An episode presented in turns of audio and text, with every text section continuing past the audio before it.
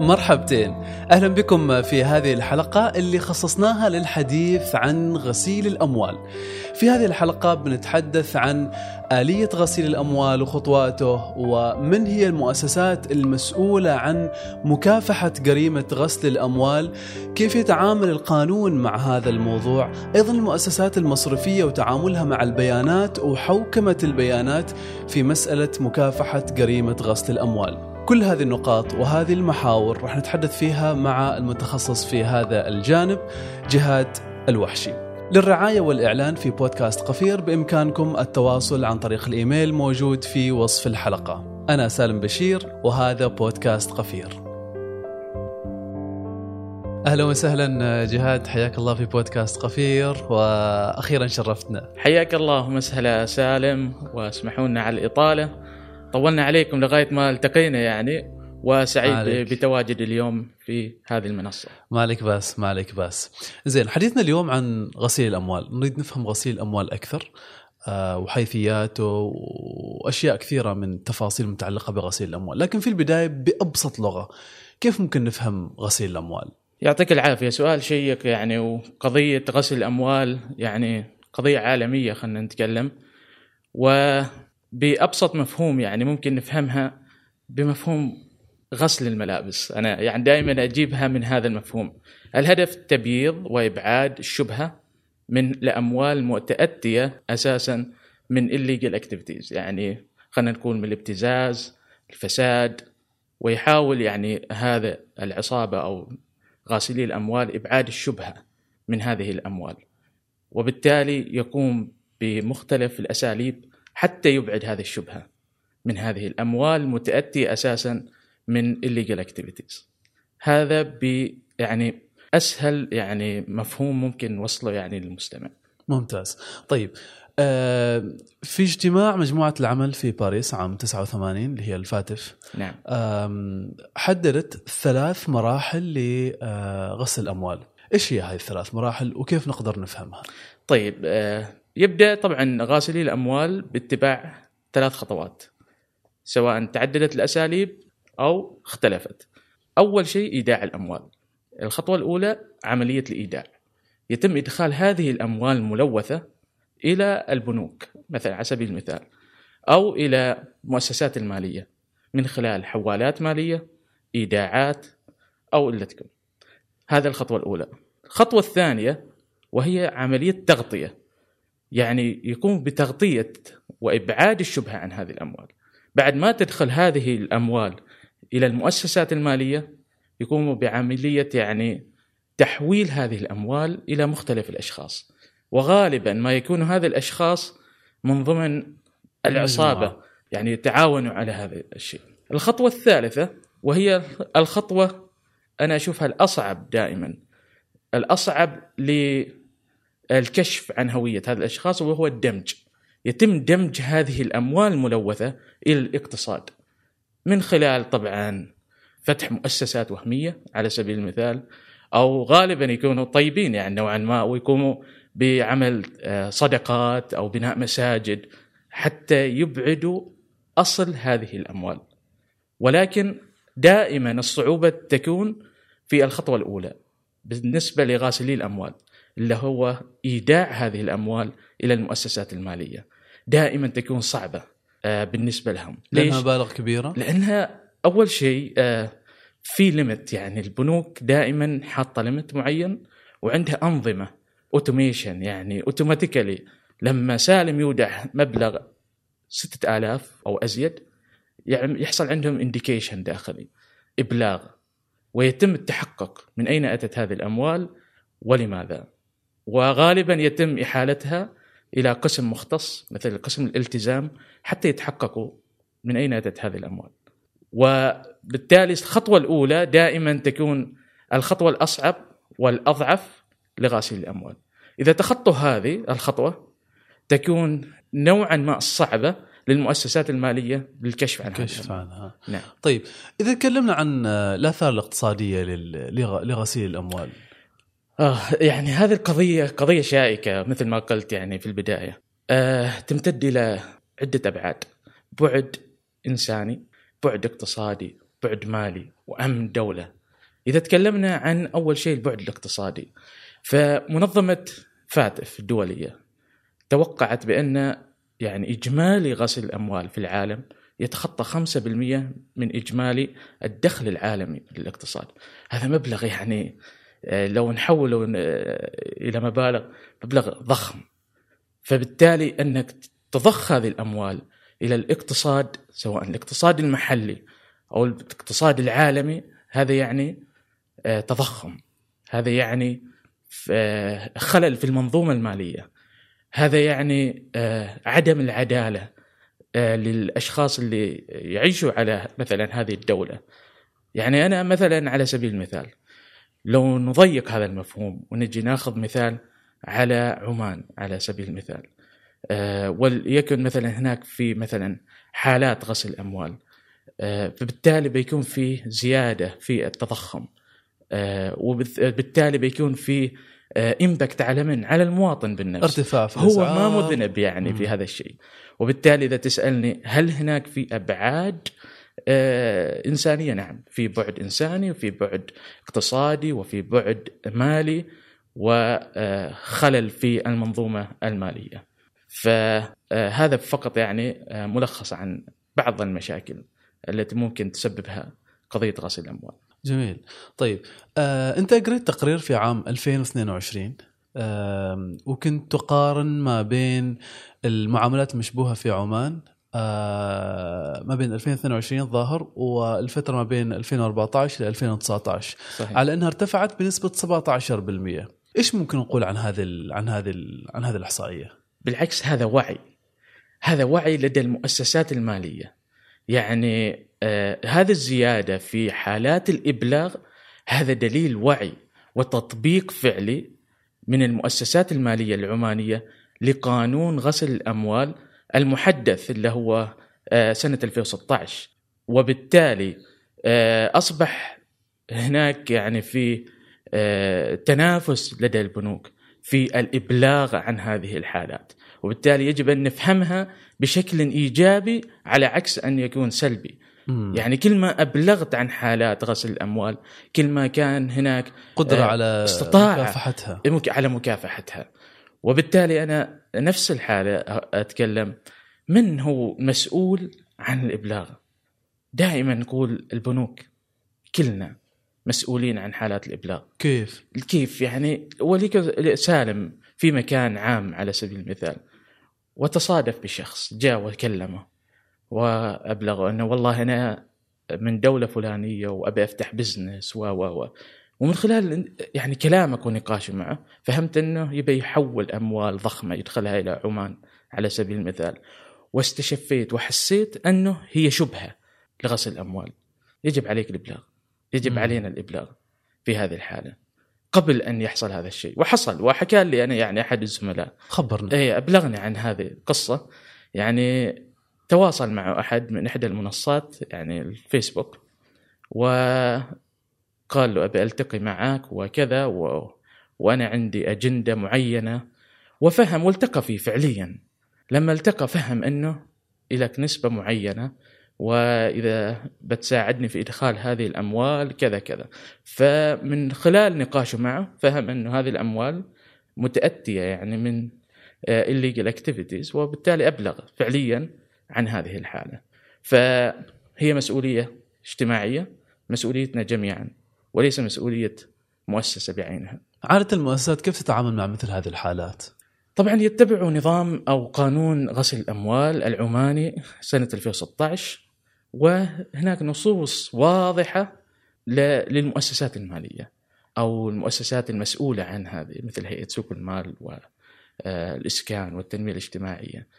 آه، وضحت آه، إيش الخطوات التي يجب اتباعها. على سبيل المثال أول خطوة هي الإبلاغ.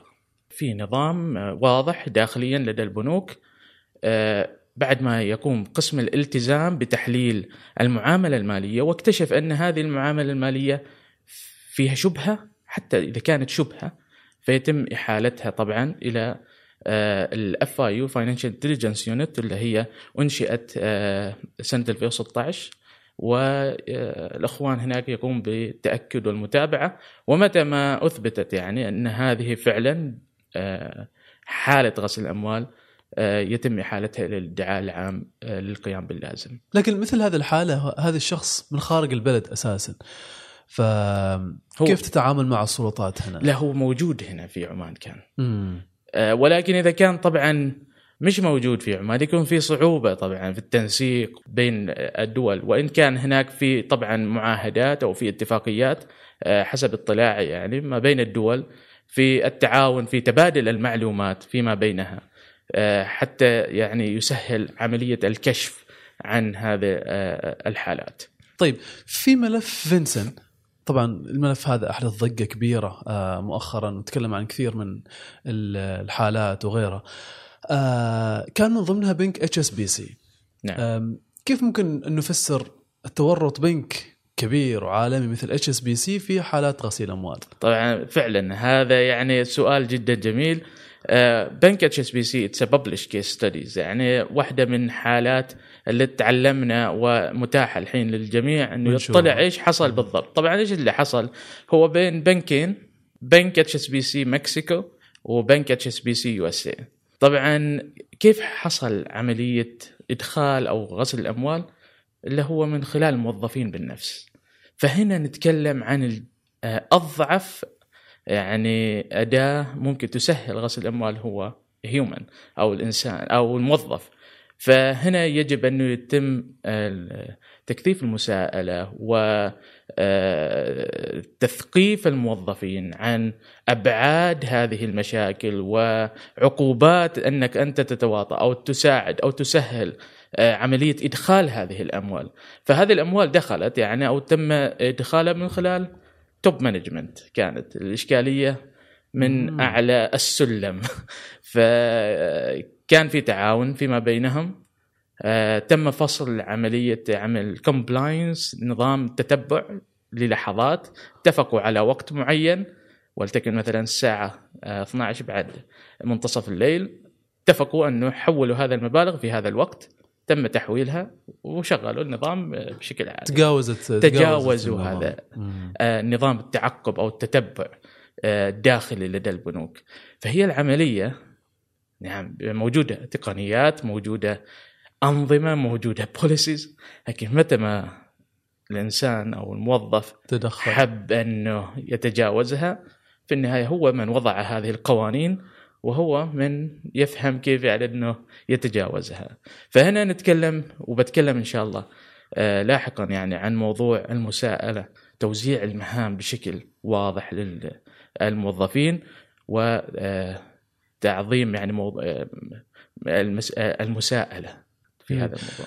آه هناك بنوك أخرى طبعا يعني متورطة خلال السنوات الماضية جداً. في في في مسألة غسيل الأموال منها آه، JP Morgan Standard Chartered في اعتقادك ليش تلجأ هذه البنوك إلى هذه العمليات؟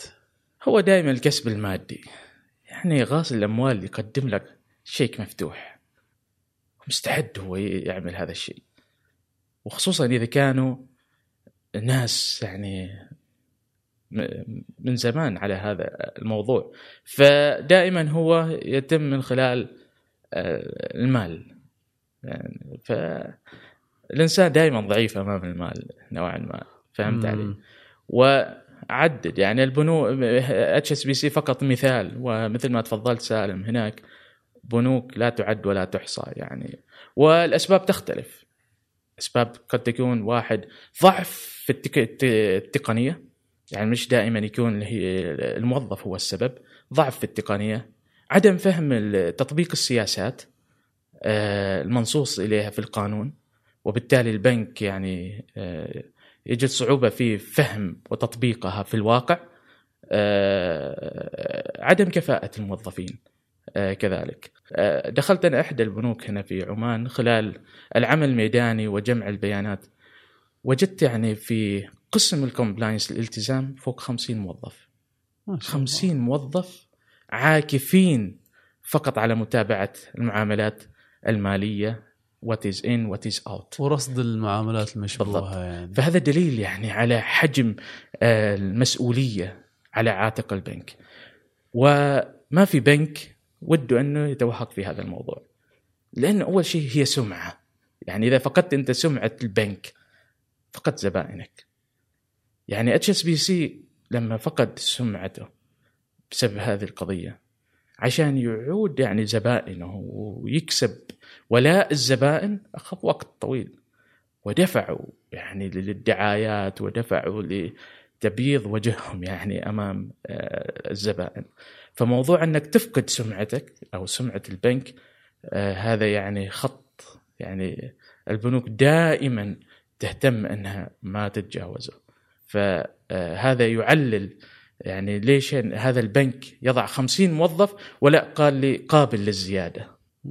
قابل للزيادة قال يعني في بنك واحد. في بنك يعني هو مثال هذا البنك خصيصا تفاجأت من العدد يعني قد يكون طبعا بسبب عدد زبائنه ولكن أنا حسيت لا أزيد بسبب حتى يطبق القوانين بشكل أمثل يعني عجيب. إيه. عجيب.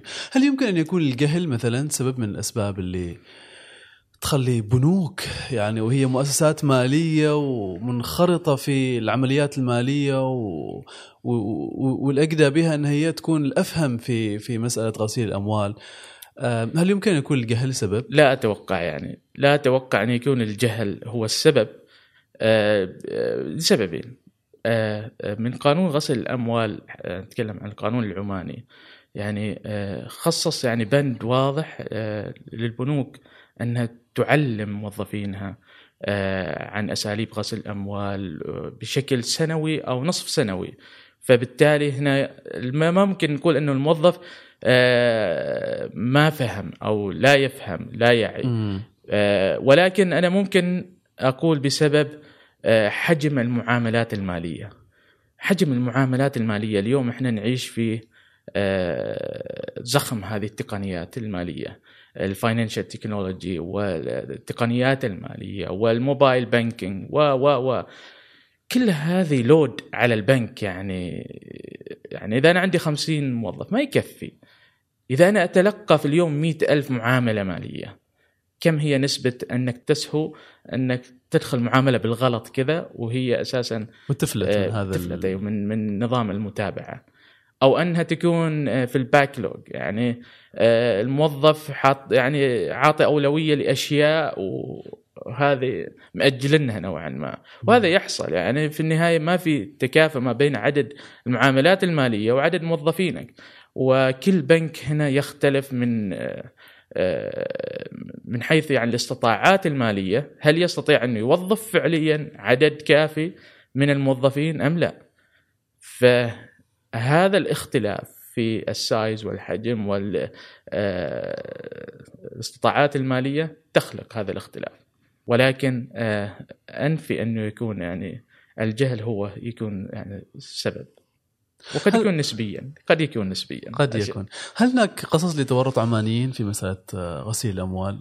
حقيقة ما على اطلاع في هذا الموضوع يعني ليش؟ لأنه مثل هذه الأشياء يتم دائما تكتم عنها ولكن يتم آه، آه، الإبلاغ عن عدد الشكاوى التي تلقاها الادعاء العام وعدد البلاغات التي يتلقاها. لكن يعني هل موجود أو ما موجود الله أعلم يعني. لكن البلاغات ما معناته إنه هناك حالة فعلية يعني هي البلاغ يبقى بلاغ إلى أن يتم تحليله ودراسته وتعقبه لا هناك في جدول إحصائي يوضح عدد البلاغات وعدد البلاغات الفعلية يعني مم. التي تم التأكيد عليها أن هذه لا هذه فعليا حالات غسل اموال ففي الإحصائية يعني دائما تكون واضحة. ودائما الادعاء العام ينشر هذه دائما هذه بشكل سنوي نعم.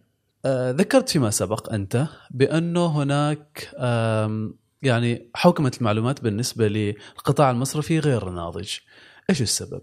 طيب الحين بندخل إلى موضوع ثاني موضوع حوكمة البيانات. خلنا أول شيء نتكلم سالم عن الحوكمة. إيش نقصد فيها؟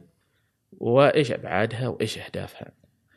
الحوكمة هي مشتقة من لفظة يونانية وتعني التوجيه التوجيه دائما الحوكمة do this don't do that طيب هي مجموعة من القواعد والسياسات التي تنتهجها المؤسسات لهدفين لزيادة آه، قيمة البيانات ولتفادي المشاكل المتعلقة بالبيانات.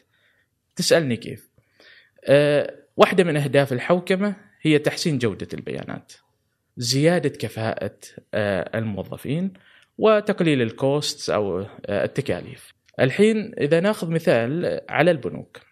أنا طبعا البحث الذي الذي يعني الآن أقوم به هو عن حوكمة بيانات غسل الأموال وأخذت يعني القطاع البنكي كحالة آه، استكشافية. آه، من خلالها طبعا آه، قابلت مختلف الموظفين من مختلف المؤسسات المالية. موضوع الحوكمة هو ناشئ مصطلح جديد نشأ 2013 لا زال يعني يوم بعد يوم يعني يتأسس وبالتالي عدم النضج في البنوك سواء العمانية هي ليست فقط على البنوك أو حالة البنوك العمانية وإنما بشكل عام. ليش؟ لأنها مصطلح الحوكمة آه، أدخل أو تم خلطة مع مختلف المصطلحات مثل حوكمة المؤسسات، حوكمة تقنية المعلومات، بعدها حوكمة البيانات. لما نزلت إلى الميدان يعني وقابلت المعنيين والموظفين دائما ما يتم خلطة آه، هذا المصطلح مع آه، حوكمة تقنية المعلومات وهذا يعني شيء طبيعي ليش لأن المؤسسات تدفع أموال يعني في ميزانياتها السنوية لتحسين آه، لتحسين تقنياتها وأنظمتها وبالتالي هناك في نوعا ما ميول إلى التقنيات أزيد من البيانات وقد يكون هذا ليش؟ لأنه آه، دائما التقنية نوعا ما ملموس يعني الناتج مالها ملموس أو العائد تبعها دائما ملموس. تسويق حوكمه البيانات وهذه في الأدبيات السابقه السابقة يعني ناقشت هذه القضية دائما صعب. لأنه انت عشان تقنع ال top management أنه خلينا نطبق يعني أو حوكمة البيانات أنت محتاج موظفين. هياكل جديدة تحتاج إلى لجان حوكمة البيانات، تحتاج إلى ميزانية، تحتاج إلى بناء بوليسيز، آه، تحتاج إلى أنك تبني ثقافة. ثقافة حوكمة البيانات داخل المؤسسة. داخل المؤسسة لأن هذه تطبق داخل المؤسسة. هي مظلة يعني تتضمن سياسات وقواعد يجب الالتزام بها من من قبل الموظفين. فدائما نوعا ما هناك تحدي آه، لدى البنوك بشكل خاص والمؤسسات بشكل عام أنها تطبق هذه الحوكمة. ودائما تأخذ وقت. عشان تطبقها. ولكن النصيحة هي أنك تبدأ دائما سمول ابدأ بشيء آه، هدف واحد. يعني أنت عشان تبش يعني تطبيق الحوكمه ابدأ بهدف بسيط. مثلا آه، تحسين جودة بيانات غسل الأموال. هذا كهدف واحد. بعد ما تحقق هذا الهدف تنتقل على الاهداف الثانية ولا هي تقليل الكوست ولا آه، تحقيق أهداف المؤسسة. فدائما يجب انه يكون في موائمة ما بين أهداف الحوكمة وأهداف المؤسسة وأهداف تقنية المعلومات. فهي عملية معقدة نوعا ما متداخلة متشابكة بين بعضها البعض. وحتى تحققها بشكل أمثل تحتاج إلى ثلاث أسس. technology يعني تحتاج تقنيات آه، حديثة. people آه، اللي هم الأشخاص الذي بيقوم بتطبيق الحوكمة و policies وسياسات آه، يتم اتباعها بشكل واضح في المؤسسة. متى ما اختل واحد من هذه الأجزاء اختلت الحوكمة. فيجب أن يكون فيه توازن ما بين التقنيات مع السياسات مع آه، الأشخاص قد يكون عندك أحدث الأنظمة وهذا ما وجدته في آه، نتائج البحث الذي قمت به. آه، بعض البنوك لديها أفضل التقنيات الحديثة ولكن ما في بالضبط. يعني ما في أحد يت... مثلا بياناتها نوعا ما جودة البيانات يعني تحتاج إلى تحسين. فبالتالي دائما يعني نقول إحنا it is not about the box. It's about what is inside the box. يعني مم. يعني البوكس هو التقنية. وإذا البيانات خاطئة داخل هذا داخل هذه ال- الأنظمة فبالتالي بتنتهي ب invalid decisions. فهي عملية آه، تحتاج إلى معادلة. تحتاج إلى أن تكون يعني آه، من ضمن توب اجنده يعني للمؤسسة. حتى تطبقها. انت ذكرت آه، جهاد آه، في الحديث عن حوكمة البيانات مسألة ربطها بغسيل الأموال وكيف ممكن هي تساعد في مسألة غسيل الأموال. كيف ممكن يصير هذا الربط؟ جميل جدا. شوف أنا كيف بدأت؟ وش كيف دخلت إلى عالم يعني غسل الأموال؟ كيف أصبح من اهتماماتي؟ أنا يعني حتى أحكي لك قصة سالم لما جيت وقدمت خطة البحث. لجنة التقييم هناك كذا shocking يعني كان وش كأنه يقول وش عقك على هذا ال topic قال it's very sensitive يعني topic حساس جدا.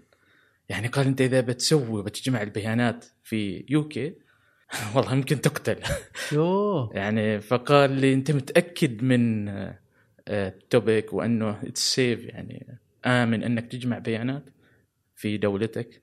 وبالتالي يعني كان الموافقات ال- ال eth- يعني الأخلاقية للبحث يعني طولت نوعا ما مم. يعني فلغاية ما يتحققوا ويتأكدوا من سلامة الباحث قالوا إحنا خايفين عليك أنت كباحث يعني إنه ما يتبعك أي أذى منها الحمد لله لهذه يعني. الدرجة الموضوع حساس طبعاً. يعني فطلبوا توضيح يعني مفصل خطة البحث خطة جمع البيانات إيش الأسئلة اللي بتسألها وفعلا هو موضوع حساس. أنا أول ما جيت هنا إلى البنوك العمانية بتكلم عن غسل الأموال قد تطمن.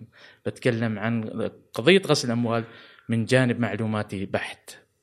يعني أنا ما أعد نفسي متخصص يعني في هذا المجال. أنا دخيل على هذا هذا المجال غسل الأموال.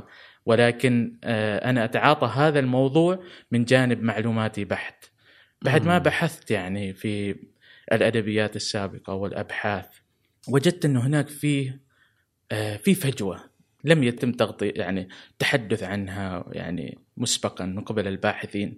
وأنت دائما في بحث كبي اتش دي يعني لازم تأتي بشيء جديد إضافة إلى العلم. يعني شيء ما حد يعني. ما تطرق. له من قبل. فجيت وتمحصت في الأبحاث ووجدت إنه جميع الباحثين يناقشوا هذه القضية من جانبين. جانب policies قوانين وجانب تقني بحت أهمية القوانين في مكافحة غسل الأموال تغليظ القوانين ال policies.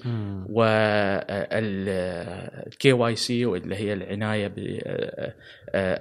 بالعملاء وجمع البيانات وتقنيات اللي هي أهمية الذكاء الاصطناعي في الكشف عن الحالات المشبوهة أو المعاملات الوهمية ولكن ما وجدت أحد يتكلم عن أهمية المعلومات. أهمية مم. هذه البيانات يعني للكشف عن آه، حالات غسل الأموال. وهي أساسا الأساس. أنت تبدأ بإيداع. إيداع هذه الأموال هي تتحول إلى بيانات. من الذي أودع؟ آه، قيمة هذه الودائع آه، تفاصيل هذه الودائع. إذا مدخلاتك أنت خاطئة. طبيعي أنك you not be able to detect أو تكشف حالات غسل الأموال. خلينا نتكلم شوي خطوة قبل قبل ما نتكلم عن الإيداع. آه، فتح الحساب. أنا أشوف يعني كباحث أهم خطوة لدى البنوك هي تبدأ من آه، فتح حساب للع- للعميل أو للزبون معك. مم. هل جمعت البيانات كافية؟ هل البيانات اللي جمعتها صحيحة؟ وهل تحققت من أن هذه البيانات حقيقية وصحيحة أم لا؟ لأنك أول ما تعمل آه، إدخال هذه البيانات إلى قواعد البيانات يكون صعب جدا عليك أنك تتعقب وبتبني كل اشيائك على هذه البيانات. واساسا الخطوة الأولى هي خطوة فتح الحساب مع العميل. داخليا البنك إيش يسوي؟ يصنف زبائنه إلى classifications هل هو low medium أو high هل هو ذو مخاطر عالية متوسطة أم آه، ضعيفة؟ فتخيل أنك سالم تجي تفتح حساب وأنت أساسا كان آه، يتوقع من البنك إنه يصنفك high classification بمعنى إنه يضع عليك متابعة أزيد. وبسبب أنه الموظف الذي أدخل البيانات أو تلقى البيانات آه، أدخلها بشكل خاطئ. فقسم الالتزام ال compliance يبني على البيانات اللي تلقاها من صار التصنيف آه، فأصبح منخفض. التصنيف خاطئ والججمنت خاطئ. وما بني على باطل أنا دائما أقول فهو باطل. آه هو مهم وهي خطوة مهمة. لكن إيش وجدت؟ وجدت يعني بعد تحليل البيانات بعد ما جمعتها وجدت إنه هنا في فجوة. يعني آه نتكلم عن عمان ولا نتكلم عن, عن, عن, عن, عن ال- أنا أتكلم عن عمان آه، عن الكيس ستدي آه، إنه معظم آه، الموظفين آه، الذين يعني يجمعوا هذه البيانات أو يفتحوا الحسابات هم دائما يكونوا يعني نون educated يعني أو ما متخصصين في البيانات. وبالتالي لا يعي أهمية البيانات. أو يمكن يكون ما تلقى تعليم المناسب و آه، ما ما حد فهم إنه هذه البيانات آه، جمع هذه البيانات ب good quality أو بجودة عالية أهميتها كذا وكذا وكذا. هي أول شيء التزام البنك مع القوانين المحلية.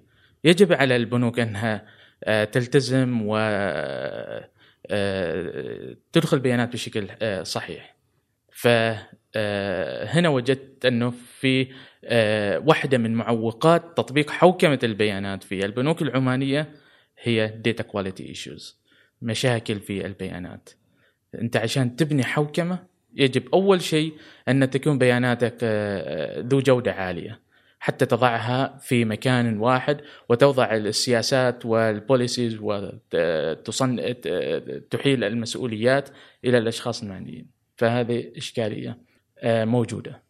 جميل. هذا على مستوى ال- المؤسسات المحلية جهاد. ماذا عن مؤسسات في الخارج اللي تتعامل مع المؤسسات المحلية؟ هل هناك خطورة في مسألة آه، غسل الأموال؟ طبعا آه، شوف التعاملات دائما آه، تكون أصعب إذا كانت بين بنكين مختلفين. وخصوصا إذا ما كانوا إذا كان بنك محلي مع بنك دولي. من يتبع من؟ البيانات هذه آه، من مسؤول عنها؟ لما تطلع من مؤسستك والى مؤسسة ثانية هل هناك في اتفاقية من آه، كيف كيفية التعامل مع هذه البيانات؟ لأنه هي في النهاية آه، حق للزبون أن تبلغه انه كيفية أنت تست... كيف تستخدم آه، بياناته فبالتالي أول خطوة قبل أنك أنت تتعامل مع بنك ثاني أنه يجب يكون هناك في اتفاقية واضحة في تبادل المعلومات هذه وما هي التبادل هذا؟ وهل بتتبادل هذه المعلومات بشكلها الحقيقي a plain text ولا as anonymized ك يعني بتخفي بعض ال- خلينا نقول بعض الحقول من هذه البيانات. فالتعامل مع المؤسسات آه، مالية في دولة ثانية يعني يجب أن تكون بشكل واضح وبقانون واضح وسياسات واضحة. هذه هي الخطوة الأولى. هل في تبادل أو هل في تعاون ما بين البنوك آه، في هذا المجال؟ آه، نعم في تعاون خصوصا إذا كان في بنك وسيط يعني أنت تبى تحول أموال مثلا على سبيل المثال خلينا نقول من بنك X في عمان إلى بنك Y في دولة ثانية وأنت ما عندك صلة أو علاقة عمل مع البنك هذاك فتحتاج وسيط مم. هذا الوسيط هو اللي يسهل عملية نقل هذه الأموال إلى المؤسسة آه، الثالثة.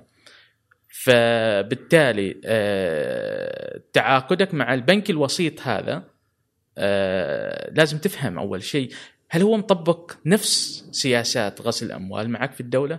هل هو متبع نفس العناية الواجبة الذي يجب أن يتبعها يتبعها البنوك المحلية أم لا؟ لأنك أنت ملزم في النهاية في هذا الموضوع من التحقق من تعمل اكزامينيشن للبنك الوسيط هذا.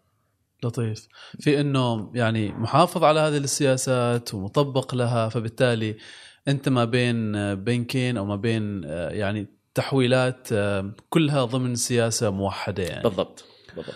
لطيف طيب آم، مجموعة العمل المالي فاتف في عام 2011 آم، قالت إنه آه، الفعالية الإجمالية للسلطنه في بعض الجوانب اللي تتعلق بغسيل الاموال آه، مفقودة. إيش تعليقك على هذا الموضوع؟ وهل تحسن الموضوع؟ حديث حديثنا عن نعم. 2011 آه، اطلعت على نتائج التقييم المالي اللي حصل في 2011 بشكل عام هي قالت يعني أنها آه، آه، السلطنه متوافقة مع معظم توصيات فاتف ما عدا بند واحد. آه، وأنا أتوقع انه يعني ما أنا الشخص المناسب يعني اني اتكلم في هذا الموضوع ولكن كان هو بند واحد واتخذت السلطنة على طول يعني أكشن اللي هو بتحديث قانون غسل الأموال في سنة 2016 البند هذا غسيل أموال ولا بند ضمن غسيل أموال؟ بند ضمن غسل الأموال. فتم إضافة فصل كامل حتى يغطوا يعني النقطة التي آه، طلعوا فيها في آه، التقييم آه، الذي حصل في سنة 2011 ولكن اجمالا كانت النتائج إيجابية في هذا الموضوع. ما عدا في نقطة واحدة وتم تحسينها في سنة 2016 بقانون آه، غسل آه، الأموال في سنة 2016 جميل.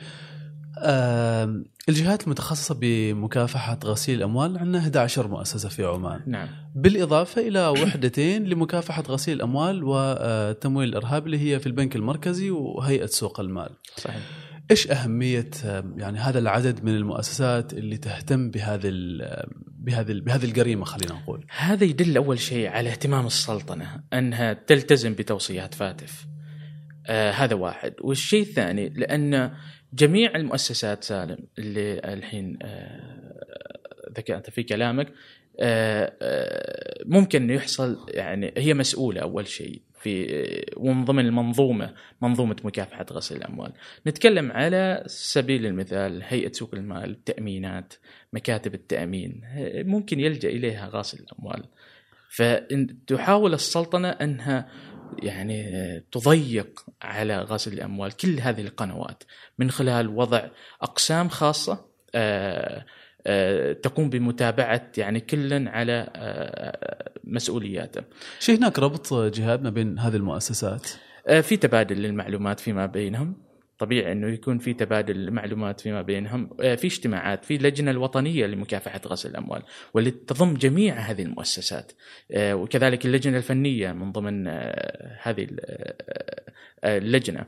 فيجتمعوا بشكل دائم. يتم مناقشة آه، أي استحداث جديد أو أي آلية جديدة لغسل الأموال ويتم اتخاذ اللازم في هذا الموضوع. تكلمنا عن موضوع البيتكوين قبل شوي. نعم. قضية البيتكوين يعني واحدة من الأشياء ال- ال- ال- الأساليب الجديدة والحديثة التي ممكن أن يلجأ إليها غاسل الأموال واللي هي تتيح للمستخدم أنه يفتح حساب خلال دقائق معدودة بهوية مجهولة يتم تحويل من خلال آه، منصة مجهولة. حتى مؤسس يعني هذا المنصة آه، مجهول. إلى الآن يعني. والناس وهميين في هذه الشبكة تماما مبني على الثقة آه، مثل ما هم يقولوا يعني. ويتم تبادل الأموال فيما بينهم من خلال عملة عملة بيتكوين يحددوها في ما بينهم يعني. ويتم فعلا تحويل أموال. الحين هنا في إشكالية وفي قلق. لدى المؤسسات المالية لأنه الحين الأموال هذه ما تأتي من خلال آه، البنوك أو المؤسسات المالية ولكن يتم استغلال هذه المنصة لتحويل أموال انليمتد يعني كبيرة. ضخمة جدا من إلى خلال ثواني ثواني وبدون وجود أي وسيط في هذا الموضوع بدون وجود أي مؤسسة مالية تقوم بفحص والتدقيق هذه المعاملة المالية. وبالتالي هنا في فجوة. إلى يومك. نتكلم عن يعني حتى منظمة فاتف. إلى يومك لم تصل إلى حل في هذا الموضوع. مسألة التعاملات البيتكوين التعاملات و- بالبيتكوين وكذا. ولكن هنا في عمان على الأقل تم منع يعني استخدام بيتكوين أو على الأقل نزل بيان ب- بأن أي أحد يستخدم البيتكوين هو يتحمل مسؤولية نفسه في النهاية. لأنه أنت ما محمي تحت أي قانون ولا يوجد أي جهة مسؤولة حتى أنها تضمن حقك يعني في هذا الموضوع. مم. ف إذا يعني الشخص ال- أو المستخدم للبيتكوين يتجاوز ممكن أن يتجاوز الثلاث خطوات اللي تكلمنا عنها الإيداع والتغطية والدمج فيتخطى الخطوة الأولى والثانية ويتجه على الخطوة الثالثة وهي الأصعب وهي دمج الأموال هذه الملوثة مع الاقتصاد. فيشكل فعلا عائق يعني للمؤسسات المالية والدولة يعني. جميل. طيب انت تكلمت عن قانون مكافحة غسل الأموال. كيف ساهم هذا القانون في الحد من عمليات غسل الأموال وجرائم غسل الأموال؟ آه مثل ما قلت سالم القانون آه أضاف فصول جديدة وضح مسؤوليات البنوك أزيد بشكل أفضل. ونتكلم عن بعض اعتقد آه، إذا ما خابني الظن أتوقع الفصل السادس الفصل السادس من قانون غسل الأموال. جزأ مسؤوليات البنك ووضحها بشكل آه، واضح. آه، حفظ المستندات على سبيل المثال واستبقاء الوثائق. حددها بالزمن بالمدة الزمنية آه، على سبيل المثال لا تقل المدة عن خمس سنوات. جميع البنوك يجب أن تحفظ جميع المعاملات المالية لزبائنها مدة لا تقل عن خمس سنوات. من انتهاء المعاملة. ليش؟ لأنه إذا حصل آه، مثلا فتح قضية آه، مستقبلا يستطيع الادعاء العام أو الجهات المختصة أن تعود إلى هذه الوثائق وتمحص وتحلل هذه الوثائق من جديد. فبالتالي هنا نتكلم عن أهمية حوكمة البيانات، لأن حوكمة البيانات واحدة من أسس أو أهداف حوكمة البيانات الحفظ الأمثل للوثائق. وسهوله الوصول إلى البيانات. آه، يعني أنا إذا حصلت قضية ما أجلس يعني 1 مانث ولا يعني أو 30 يوم لغاية ما أحصل الوثيقة اللي يطلبها مني الادعاء العام أو الجهة المختصة. فإذا كان هناك في تطبيق أمثل لحوكمة البيانات في البنك آه، وتصنيف واضح للوثائق وين ممكن إني أجد الوثائق اللي هي تتعدى الخمس سنوات؟ في أي مكان؟ في أي آه، فهذا بيسهل طبعا وبيعجل من موضوع الكشف والتحليل آه، ومكافحة غسل الأموال. جميل، هل القانون هذا بالنسبة لك أنت شخصيا هل القانون هذا مكتمل هل هناك نواقص حقيقة شوف أنا طلعت حللته آه، حللت قانون يعني غسل الأموال سنة 2016 كباحث ب... وأخذت قانون فاتف القانون الدولي م. بشكل تام متوافق يعني حاول أن القانون العماني انه يغطي توصيات فاتف ما جاء في توصيات فاتف. وهذا شيء يعني شيء طيب انه يعني ما وضع أي نقطة أو تجاهلها في هذا الموضوع. ولكن لا زلت اني أقول دائما هناك يعني الأساليب غسل الأموال تتحدث يعني تتجدد. غاسل غاسلي الأموال. كل ما يتجدد القانون هم أذكياء. يجددوا من عمليات الغسل ويجددوا من أساليب الغسل. وبالتالي يجب أنه يكون هذا القانون متجدد دائما آه، متجدد مع تجدد التقنيات مع تجدد الأساليب وأنا أشوف يعني يجب أن يكون في إضافة واضحة للحوكمة وحوكمة البيانات في هذا القانون على طاري القانون القوانين الدولية اتفاقية بازل الثالثة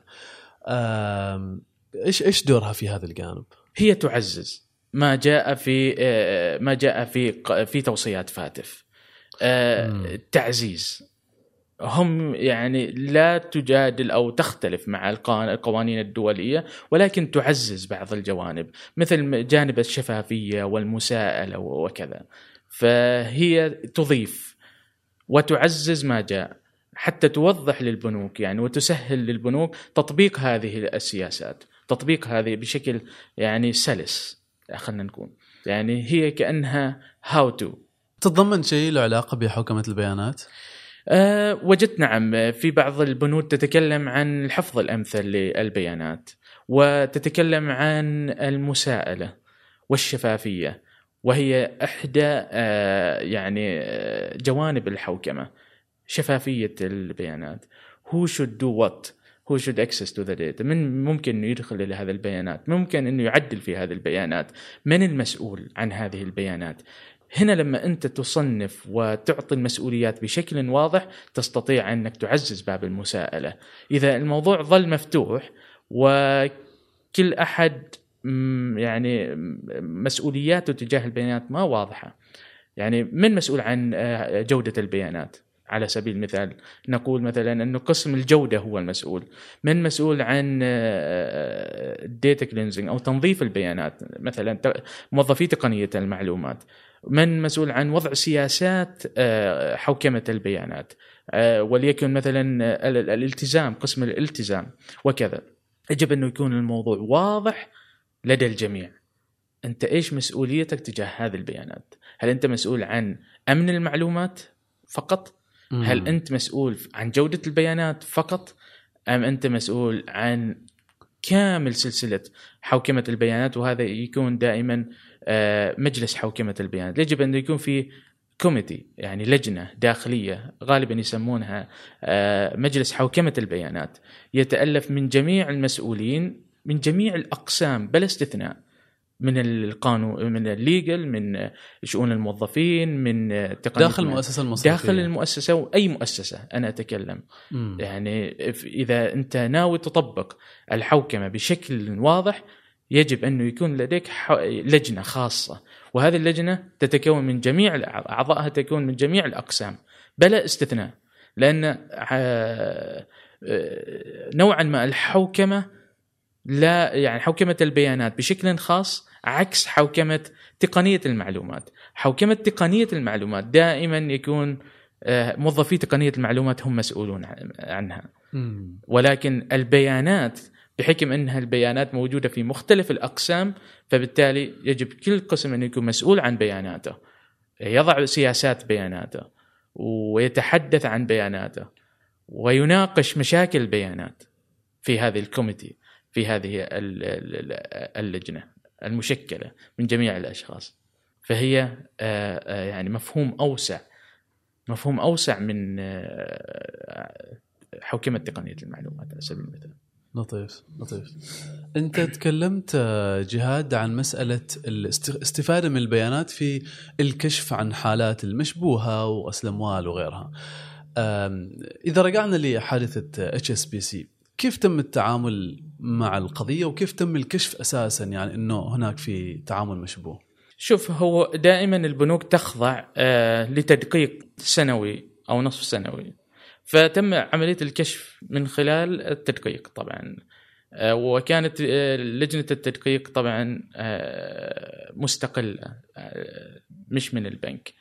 يعني حتى إحنا في البنوك هنا لازم إنه يكون في external audit هذا مستقل بذاته يجي يفتح الملفات والوثائق what is in what is out فتم الكشف من هناك أنه في دخلت أموال في آه، في هذه الساعة وفي هذا اليوم. ولكن ما خضعت إلى ال compliance ولا أحد تكلم عنها ولا ولا أحد دقق عليها. غالبا لما تأتي أموال مثل هذه يكون في اكشن آه، يعني الاكشن هو إنه يا إما أن يتم إحالتها آه، تسويتها أو يتم مثلا التعليق عليها بأنها أموال صافية وأوضاعها طيبة أو هي شبهة. ولكن هذه الأموال بالتحديد ما عليها أي ما ملاحظه عليها أي ملاحظات. فمن هنا بدأ التحقيق. إلى تم الكشف لاحقا وأتوقع إنه آه، تدخل يعني الاف بي آي في الموضوع هذا والتحقيق كان على مستوى عالي يعني لأنها أموال فعلا ضخمة. وهي مثل ما ذكرت أنت في مسألة ال- البيانات هي اللي هي البيانات هي ال- الأساس. هنا أتكلم عن موضوع مهم جدا الأوديتنج. أهمية التدقيق الدائم للبيانات. تكشف لك وايد أشياء. يعني واحدة من أس... من نجاح أسس نجاح آه، حوكمه البيانات. يعني من النتائج اللي توصلت إليها أنا في. في بحثي أهمية التدقيق الدائم للبيانات. آه، تكشف لك أي تجاوزات. ممكن تكشف لك آه، التزام الموظفين بالسياسات الداخلية. هل في أي تجاوزات؟ فيجب أن يكون في تدقيق دائم. والحمد لله يعني آه، هذا الجانب تحديدا وجدته موجود في البنوك العمانية. يعني في تدقيق نصف سنوي ونهاية السنة. كذلك الإخوان آه، في البنك آه، ينزلوا إلى ميدانيا يعني يشيكوا الوثائق ويعطوا الملاحظات ويكون النتائج طبعا توجيه أحيانا في عقوبات مالية آه، أي ملاحظات يعني. فمهم جدا إنه يكون في تدقيق دائم. لطيف لطيف جدا. طيب جهاد يعني تكلمنا كثير عن غسيل الأموال وتكلمنا عن الآلية والخطوات و... إيش هي توصياتك أنت اللي وصلت لها بالنسبة للمؤسسات؟ خلينا نقول في عمان لموضوع غسيل الأموال. سؤال جيد. أول توصية توصلت إليها أهمية تبادل المعلومات بين المؤسسات المالية. يجب أنه يكون في تبادل معلومات. خلينا نبتعد عن موضوع ال confidentiality of the data وكذا. آه يعني بين المؤسسات المالية يجب أن يكون في تبادل. أعطيك مثال. آه سالم آه آه زبون لدى بنك مسقط على سبيل المثال. وبنك مسقط classified سالم ك blacklisted واكتشف أنه عنده شبهة جنائية أو حالة توه... آه، غسل اموال يجي سالم يطلع من البنك هذا إلى بنك ثاني. يفتح حساب. البنك الثاني ما عنده علم. أنه سالم آه، أساسا blacklisted blacklisted مع البنك هذا. بالتالي تنتقل هذه المشكلة من بنك إلى بنك. ولكن إذا كان هناك في آلية تسمح للبنوك آه، قبل أنها ما تفتح آه، حساب لزبائنها تتحقق حتى يكون حتى يعني link مع الادعاء العام أو سجل سالم كيف. هل أنا لأنك أنت بتفتح علاقة عمل مع هذا الزبون.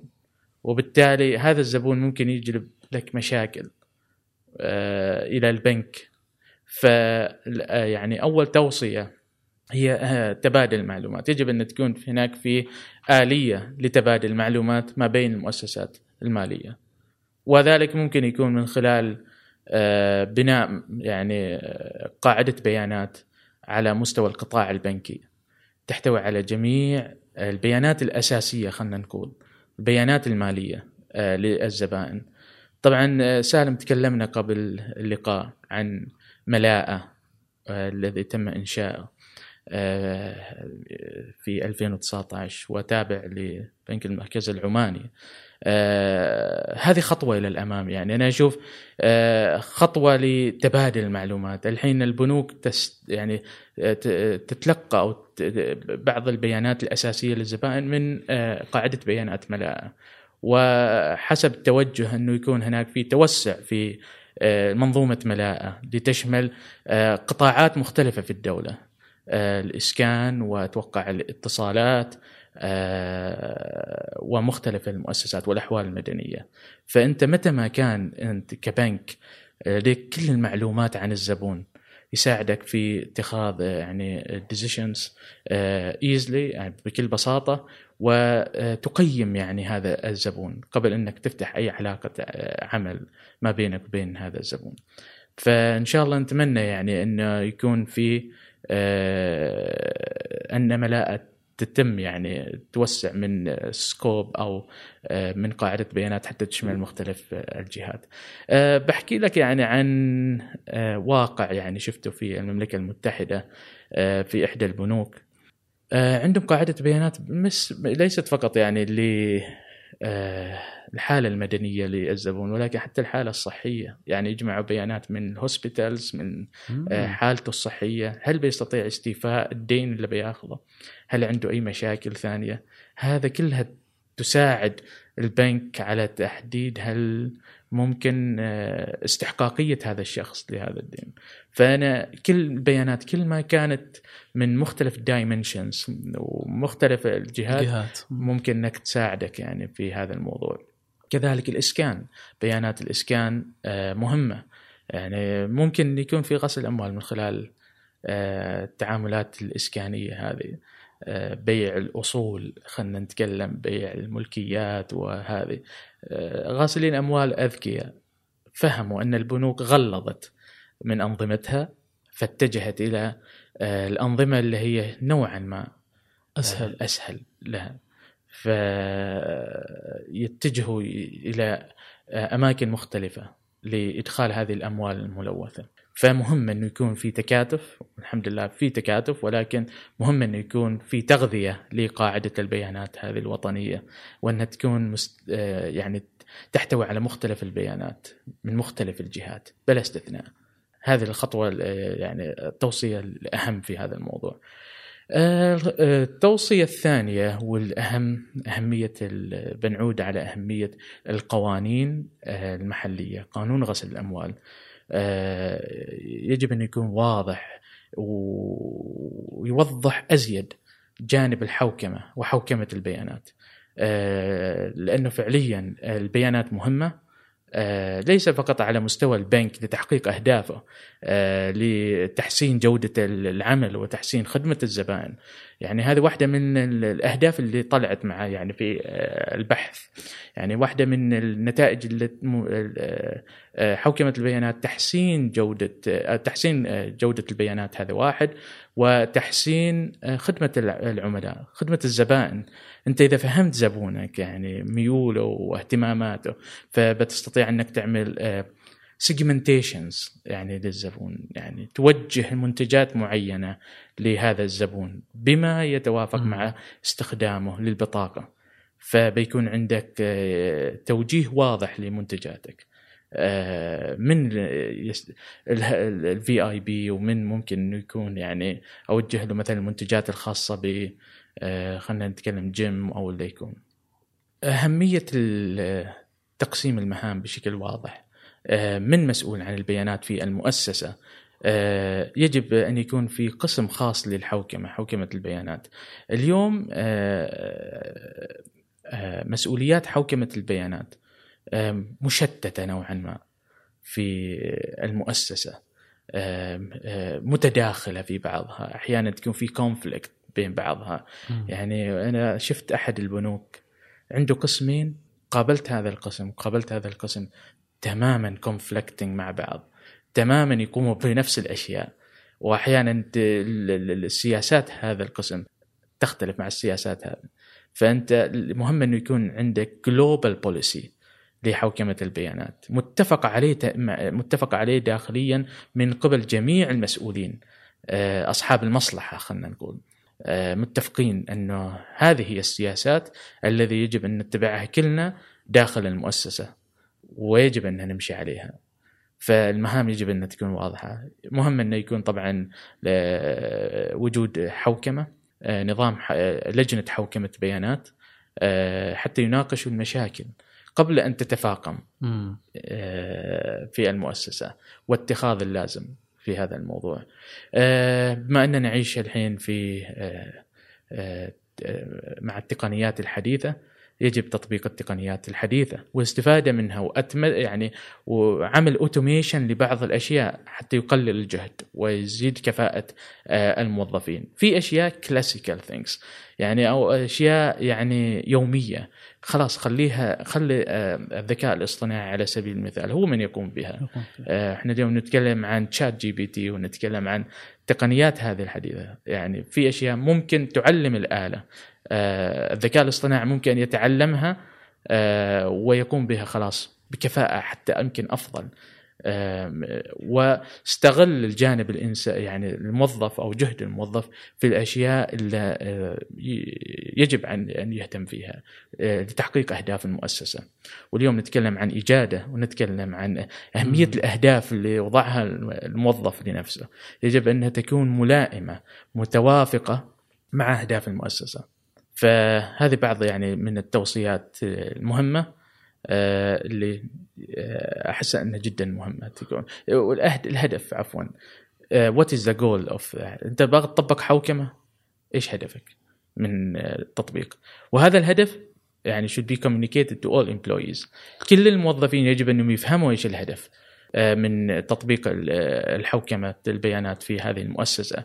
الاتصال الفعال آه، في بحث يعني يعني أحد الأبحاث تكلمت عن أنه آه، آه، نجاح حوكمة البيانات 90% نجاحه من الاتصال الفعال ما بين آه، مختلف ال- الأقسام top top down أو bottom up يجب أن يكون في communication من خلال الايميل أو خلال آه، المنصات الداخلية اللي موجوده في المؤسسة. آه، إذا في تحديث في أي policy it should be communicated to the employee. يجب أنه يبلغ الموظف عن التحديث هذا ويجب أنه يفهم إيش أبعاده آه، أبعاد هذا التحديث على مهامه الوظيفية على سبيل المثال. لطيف جدا. شكرا شكرا على وقتك. ما قصرت. الله يعطيك العافية. وشكرا على يعني رحابة صدرك وتلبيتك للدعوة يعني. وحديث كان شيق أنا شخصيا استمتعت. شكرا لك. الله يعطيك العافية أخي سالم. سعد جدا أن أكون في هذه المنصة اليوم وأتمنى أني أضفت يعني ولو شيء بسيط. ما قصرت. آه، في هذا الجانب. وأتمنى لكم كل التوفيق إن شاء الله. بارك الله فيك بارك الله فيك. وأنتم كذلك شكرا لكم آه، على المتابعة واللي وصل إلى هذا الجزء من الحلقة. نقول لكم تفاعلوا معنا على حساباتنا في شبكات التواصل الاجتماعي وإلى أن نلقاكم في الحلقة القادمة. سلام.